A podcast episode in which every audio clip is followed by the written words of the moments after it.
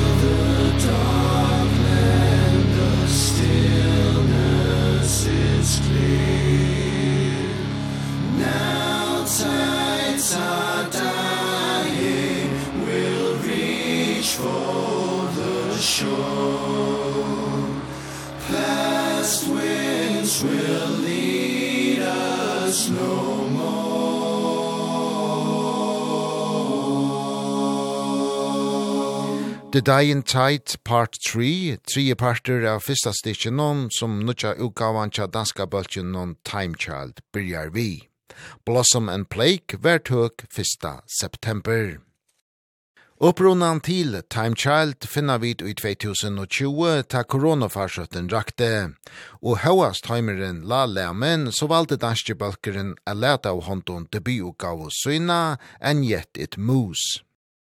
Høyast dette kanska tøktest ørst, så vær timingen perfekt, sier åtta maveren Anders Folden Brink. Vi var faktisk virkelig heldige, fordi det første lockdown i Danmark. eller I hvert fald, jeg kan ikke huske, om det var det første, men der var i hvert fald et lockdown, øh, mens vi indspillede pladen. Øh, så det var jo perfekt. Så var der masser af tid. Vores producer, Søren Andersen, så han, øh, han er en travl mand. Han spiller med alle mulige forskellige folk, så han, øh, han er ofte væk, men det kunne han jo ikke der. Øh, så der havde vi masser af tid til at lave musik, så det var godt for os. Øh, og vi kunne koncentrere os om at skrive pladen og indspille pladen, og efter vi havde indspillet pladen, kunne vi koncentrere os om at, at lave alle de andre ting klar, som man skal lave klar til en, til en, til et release, altså cover art og t-shirts og merchandise og alting. Og faktisk mere eller mindre lige så snart, at vi, at vi var klar til at spille live, så åbnede landet op igen. Jeg tror, det åbnede, jeg kan huske, det åbnede den 6. maj, og vi, eller den, og vi spillede den første koncert den 7. maj, eller sådan et eller andet lignende. Så, så det, var, det var virkelig heldigt. Og så spillede vi et, et eller andet 25-30 koncerter der det første år i den åbne periode, og så, og så to dage efter vores sidste koncert, så var der lockdown igen. Eh, og så havde vi en lille koncertpause, så vi har faktisk eh vi er nogle irriterende nogen som faktisk synes at corona var meget godt uh, for os. ja. Men men det har selvfølgelig været noget lort for musikbranchen, det er klart. Men, men for os var det faktisk okay. Ja, det.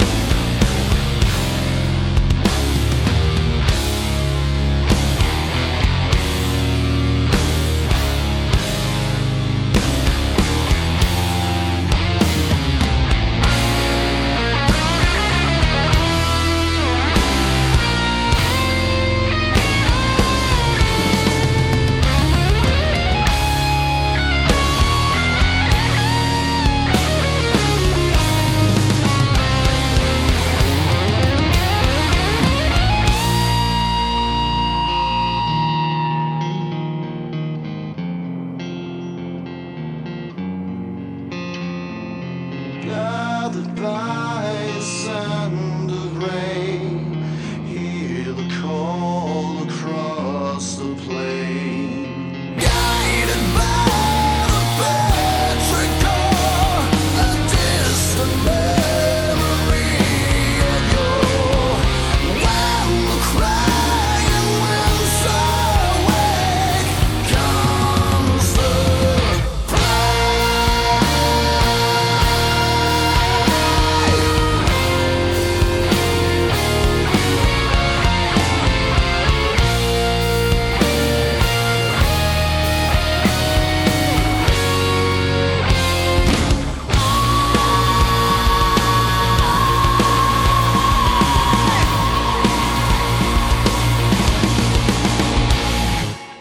Call of the Petrichor, eit av stegløven non er Blossom and Plague, nutje utgavene tja danska rockbølgen non Time Child. Onner utgava torra var tøk 1. september. Time Child hevur trújar abætje og atamævurinn Anders Folden Brink metor at limenir hava ment seg bæði som tónleikarar og persónliga, så jan bøkkeren var stónavur i 2020. For det første så har man jo lært hinanden at kende. Vi kendte godt hinanden lidt personligt før, men også musikalsk og spille sig ind på hinanden. Da vi indspillede den første plade, havde vi aldrig spillet en live-koncert før sammen. Så det var ikke et band, der havde spillet en, en, en live-koncert. Nu har vi måske spillet, jeg ved det ikke, 50 eller sådan et eller andet lignende. Så, øhm, så det, øhm, det, det, det kan man jo høre. Det var noget af det første, som vores producer Søren Andersen sagde, var, når vi kom i studiet igen. Man kan godt høre i... Øh, I har spillet nogle live-koncerter, fordi vi spiller så vidt muligt øh, live i studiet også. Den, den sådan sound vil vi gerne have. Ja. Jeg synes, det, vi synes, det klæder vores musik at have den der lille smule uperfekte øh, lyd. Øh, alt med måde selvfølgelig, men, men det giver sådan en, når, når bunden af musikken er live, så, så, så Selvfølgelig lægger vi ting ovenpå bagefter, vokaler og soloer og alle sådan nogle ting. Men altså guitar, bass og trommer prøver vi så vidt muligt at køre sammen i studiet. Øh, ikke fordi vi er altså traditionalister på nogen måde, så det skal være first takes og sådan noget, men men men men sådan den grundlæggende stamme i musikken er er live indspillet, og det gør at det får en særlig sound, som vi synes er godt for os. Hvis man spillede noget super teknisk, øh, som skulle være helt perfekt, så så var det en anden snak, men lige til vores musik, der synes vi, det er vigtigt at gøre det på den måde. Så det er klart, når vi var ude og, og spille 50 live-koncerter, så har det jo givet os øh, en del træning i det. Øh, så på den måde har vi udviklet os, og så også stilistisk har vi helt klart også udviklet os. Prøv at finde frem til, hvad det egentlig er for, en, for, for et band, vi gerne vil være, øh, og ikke bare en kombination af de bands, vi var før. Under the night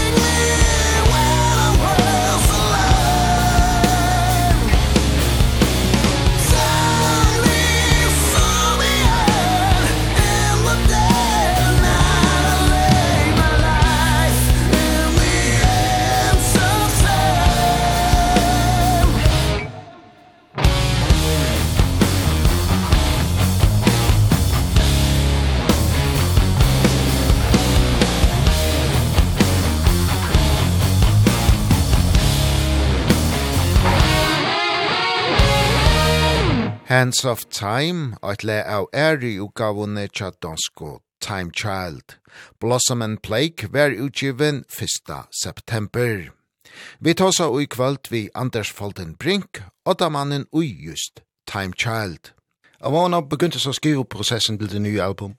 Ja, øh, altså ret hurtigt efter det første album. Øh, vi ventede jo et godt stykke tid på grund af corona, så det første album lå klar i, i 10-11 måneder fra det var færdigt indspillet og mixet til det blev udgivet. Det gav os jo en masse tid faktisk i det mellemrum til at gå i gang med at lave den nye plade. Så det har det har vi været i gang med et stykke tid. Eh de første sange fra den nye plade, dem dem dem skrev for et godt stykke tid siden. Og så er det jo sådan med musikbranchen, at der er en masse ting der skal ske efter man har afleveret musikken til til pladeselskabet, så så man har ofte en masse tid til at til at forberede den nye plade der. Så vi er også allerede i gang med at kigge på den tredje plade nu, fordi vi også har ventet et stykke tid. Always moving forward, det er det. Og hvordan foregår skriveprocessen så? Sidder I til sammen, eller sender I idéer imellem jer? Eller? Det er lidt forskelligt. Uh, vi sidder selvfølgelig for os selv og, og tænker og skriver og spiller, uh, på, som når vi nu lige har inspiration. Men, uh, men, men processen plejer at være sådan, at, uh, at Birk og, uh, og jeg, vi, er, vi uh, mødes og kigger på de idéer, vi har fået og prøver at lave en eller anden ramme for en sang, og så tager vi den med ned i øvelokalet og og så lægger de andre deres ting på. Vi, vi lader trommeslageren gøre, hvad han nu har lyst til at gøre, og bassisten gøre, hvad han har lyst til at gøre, så langt hen ad vejen, sådan så at tingene kan blive finpudset øh, og få det, det sådan musikalske touch. Men det plejer at være på den måde, vi, vi gør tingene. Og hvad er det, som inspirerer dig, når du, når du skriver musik? Og det kan være mange forskellige ting.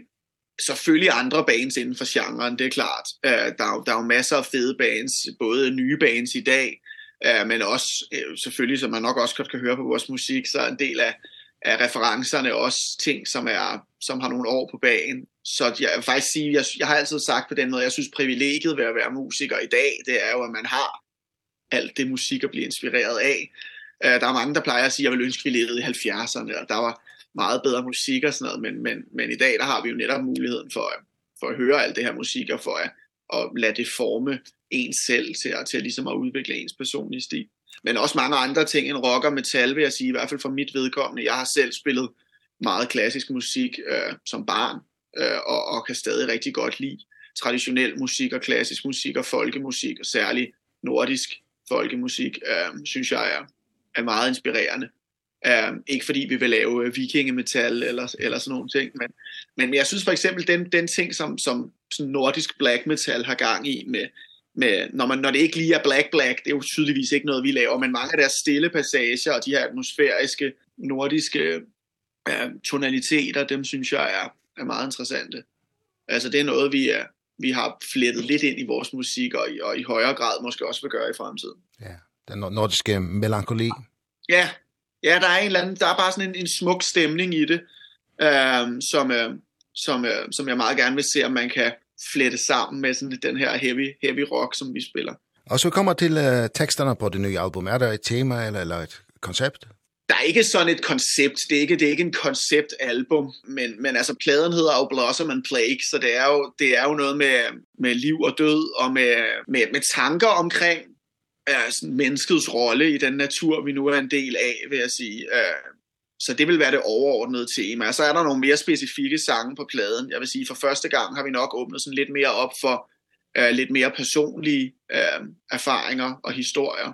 Der bliver fortalt lidt omkring personlige tragedier og, og misbrug af forskellige art. Uh, særligt vores guitarist Birk har, har medvirket til at fortælle nogle af de historier, han har været igennem, uh, både med med hans families misbrug, og hans far, der døde af misbrug, og, og hans, eget, hans eget misbrug, som han også selv har været ude i af, af stoffer. Øh, så det, det, har, det, det er sådan mere personligt, end det har været, øh, end det har været før.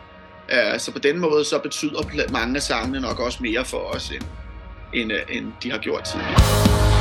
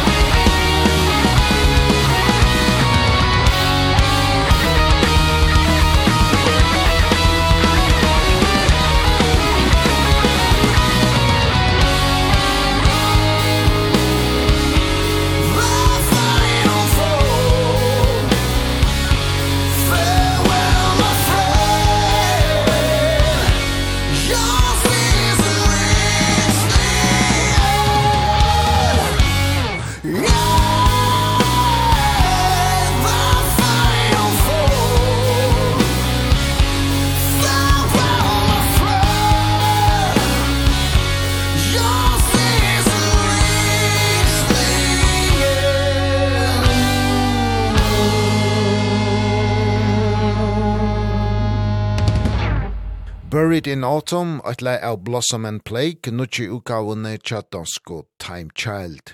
1. september vær møy at ogna sær eru utgavo Torah. Det er at du rønte danske tøndlagaren og framleggeren Søren Andersen som stender fire framleggsene. Han framlegde i øsene en gjettet mus, debutgavene tja Time Child. Og samstarve vi Søren Andersen hever rikka opera vel, sier gesteren i kvöld Anders Folten Brink. Jamen altså, det er jo, det er jo et perfekt match til os, kan man sige. Søren er jo sådan en, en musikalsk leksikon, så han, han, han ved jo alt omkring den slags musik, vi godt kan lide at spille. Uh, så, så det er faktisk bare det bedste ved at arbejde sammen med Søren, er det er nemt. Uh, fordi at, at vi forstår hinanden. Så når vi siger, den der lyd, du ved, på den der plade, den guitar solo lige der, eh hvordan er det han gør det? Og så når ja, er det det er sådan et eller andet som det sådan og sådan og så har man bare lyden inden for inden for 1 minut. Og og og sådan går det igen og igen med mange ting. Så er han jo en meget behagelig mand at arbejde sammen med os og men det her med at ting tingene er nemme i studiet, og man også ved det samme langt hen ad vejen, tror jeg er en rigtig vigtig ting. Ja. Øh, nogle gange kan, kan en lille smule kamp godt være sundt, øh, men, men det skal ikke være for meget. Og, og jeg har også arbejdet sammen med andre rigtig fede og mega dygtige producer, som bare har haft en helt anden øh, referenceramme for, for, for, hvad fed musik er. Og, og den kamp kan godt skabe noget rigtig godt, men det kan også blive lidt udmattende at skulle sidde i, i to uger og diskutere hver eneste beslutning, man tager. Eh så, så på den måde er det rigtig godt. Eh og så er han jo bare pissdygtig. Eh han kan lave rigtig meget, og, og vi er virkelig tilfredse med den, uh, den lyd, vi har fået ud af det. Husan til Blossom and Blake hever amerikanske Travis Smith snitjive. Og en ekvelia ombi en lista med vår som hever gjort husar til Devon Townsend, Catatonia, Nevermore, Opet, Anathema, Soilwork, King Diamond, Riverside og Avenged, Sevenfold. Og at han er ui Time Child, Anders Folden Brink, er ekvilja vel nøktur vi arbeidet tja Travis Smith. Fikk han fri tøyler hva han skulle leve, eller sendte I ham ideer, eller? det er en kombination, vil jeg sige. Det startede med, at han ligesom, at vi beskriver, han vil gerne høre musikken, og han vil gerne se teksterne, før han går i gang. Så når vi havde pladen færdig, så kunne vi sende den til ham, og når vi havde teksterne, så han ligesom kan prøve at få en, en følelse af, hvad, hvad, hvad det er for noget musik, vi arbejder med. Og så skulle vi ligesom prøve at beskrive for ham, hvad det var for sådan noget overordnet. Vil vi have noget, noget, noget menneskeligt, eller vil vi have noget, noget urbant, eller vil vi have noget naturligt? Og, og der, så sagde vi så, at vi gerne ville have sådan en eller anden en naturlig, en naturlig ramme, som ligesom viste det her forhold mellem, mellem liv og død, uh, Blossom and Plague, og og så kommer han med nogle forskellige idéer, og så skriver man frem og tilbage, og så er der han og tilføjer og så videre. Men det er vi også virkelig tilfredse med. Vi synes virkelig, det er blevet et, et fedt cover. Lost without guidance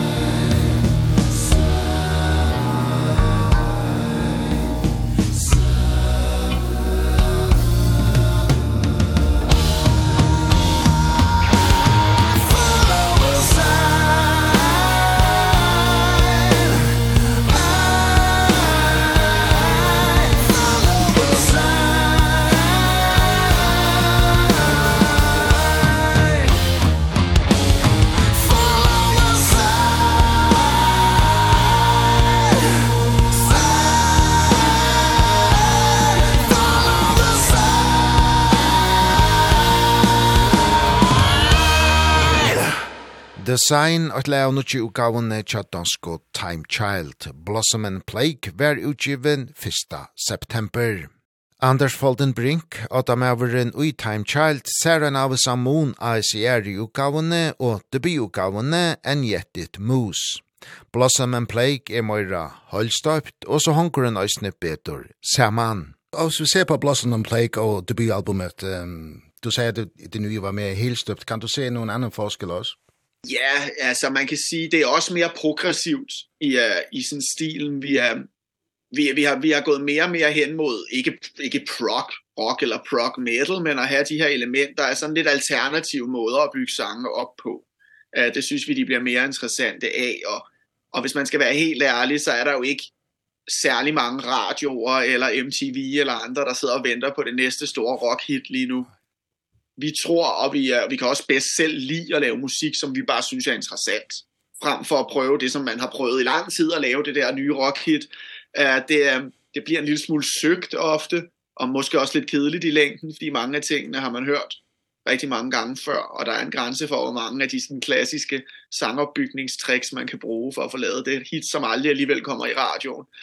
Så, så, så jeg vil sige, på den måde har vi har vi måske bare lavet det lidt mere, som vi har lyst til. Og på den måde er det blevet en lille smule mere alternativt og progressivt end, end den første plade og, og det tidligere musik, vi har lavet sammen. Det, det er jo måske et godt eksempel. De første tre numre på pladen er, er en, en, hvad man skal kalde det, en trilogi, eller en medley, eller en, en, en sammenhængende stykke, um, som, som jo er en, en, en anden måde at gøre det på, også for ligesom at dyrke albumkonceptet, uh, og, og give albummet en, et formål. Øh, fordi man kan sige, det er jo også en af de ting, som, som måske i højere og højere grad af den mere kommersielle musik er, er ved at være irrelevant og udgive plader. Der er jo rigtig mange store artister, der, der overhovedet ikke udgiver et album. Eh uh, og måske først 5-6 år ind i deres karriere stykker de et eller andet sammen, som så bliver til et album, men men folk er mere, mere eller mindre ligeglade i, i den mere kommercielle musik i dag. De skal bare have singler, digital streaming, et konstant flow af ny musik. Det er det, der er det vigtige, så man kan gøre algoritmerne glade. Ja. Men der er jo et eller andet specielt, synes jeg, særligt inden for, ikke særligt, også inden for rock og metal, der synes jeg stadig, at albumet har en stor berettigelse, og så har vi ligesom dyrket det ved ligesom at lave nogle sange, som man skal høre altså, i den rigtige rækkefølge, og altså, der er ikke noget med at shuffle pladen eller noget, så giver den ikke mening. Den skal, man skal slå shuffle fra og starte den fra en ende af. Der er en, en tanke bag det hele. Og nu bliver albumet så, så udgivet. Hvad, hvordan ser fremtiden ud for Time Charles skal I på turné nu? Eller? Ja, øh, det skal vi. Vi, er, vi starter på næste fredag øh, på udgivelsesdatoen med vores Danmarks tur. Så tager vi en tur rundt i Danmark, øh, og, så, øh, og så kommer der forhåbentlig også nogle øh, udlandske datoer snart. Vi har, der arbejdes på forskellige ting i kulissen, så, øh, så vi håber at kunne offentliggøre noget, øh, noget internationalt meget snart også. Eh, det er i hvert fall et av vores helt store øh, mål med den her plade, det er så vidt muligt at komme også ud af Danmark. Danmark er et fedt sted at være musiker, men men det er også et lille land og det og det man kan ikke man kan ikke med den musik vi spiller i hvert fald leve hele sit liv i Danmark, så der er der er publikummer i i særligt i mange steder i verden, men lad os starte med med de nærmeste nabolande er jo oplagte øh, at komme afsted til. Så det det arbejder vi også hårdt på at få, få til at ske. Og så festivalerne kommende sommer? Ja, ja, selvfølgelig festivaler, så mange som muligt, det er klart. Øhm, og der er jo ret mange rock- og metal-festivaler efterhånden, så det bliver... Vi har allerede været ude, vi spillede her i, for, for en uge siden på en stor dansk festival, uh, Jailbreak, øh, øh, og så, og så håber vi selvfølgelig, at der kommer mange flere øh, hertil. Der er også en del vinterfestivaler efterhånden, faktisk. Øh, så, så vi, er, vi, er, vi arbejder på det hele.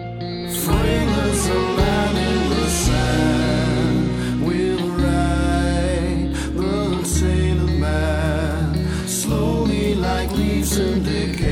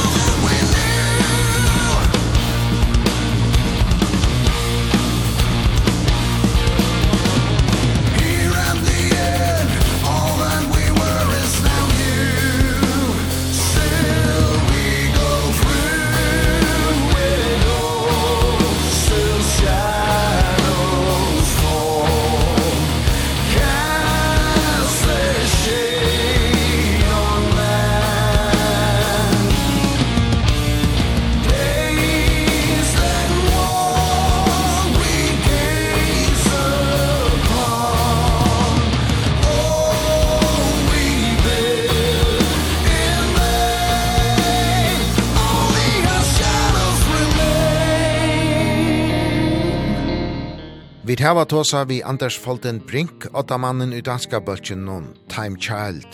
Vi prata vi om nutje uka av torra Blossom and Plague, som var utgiven 1. september.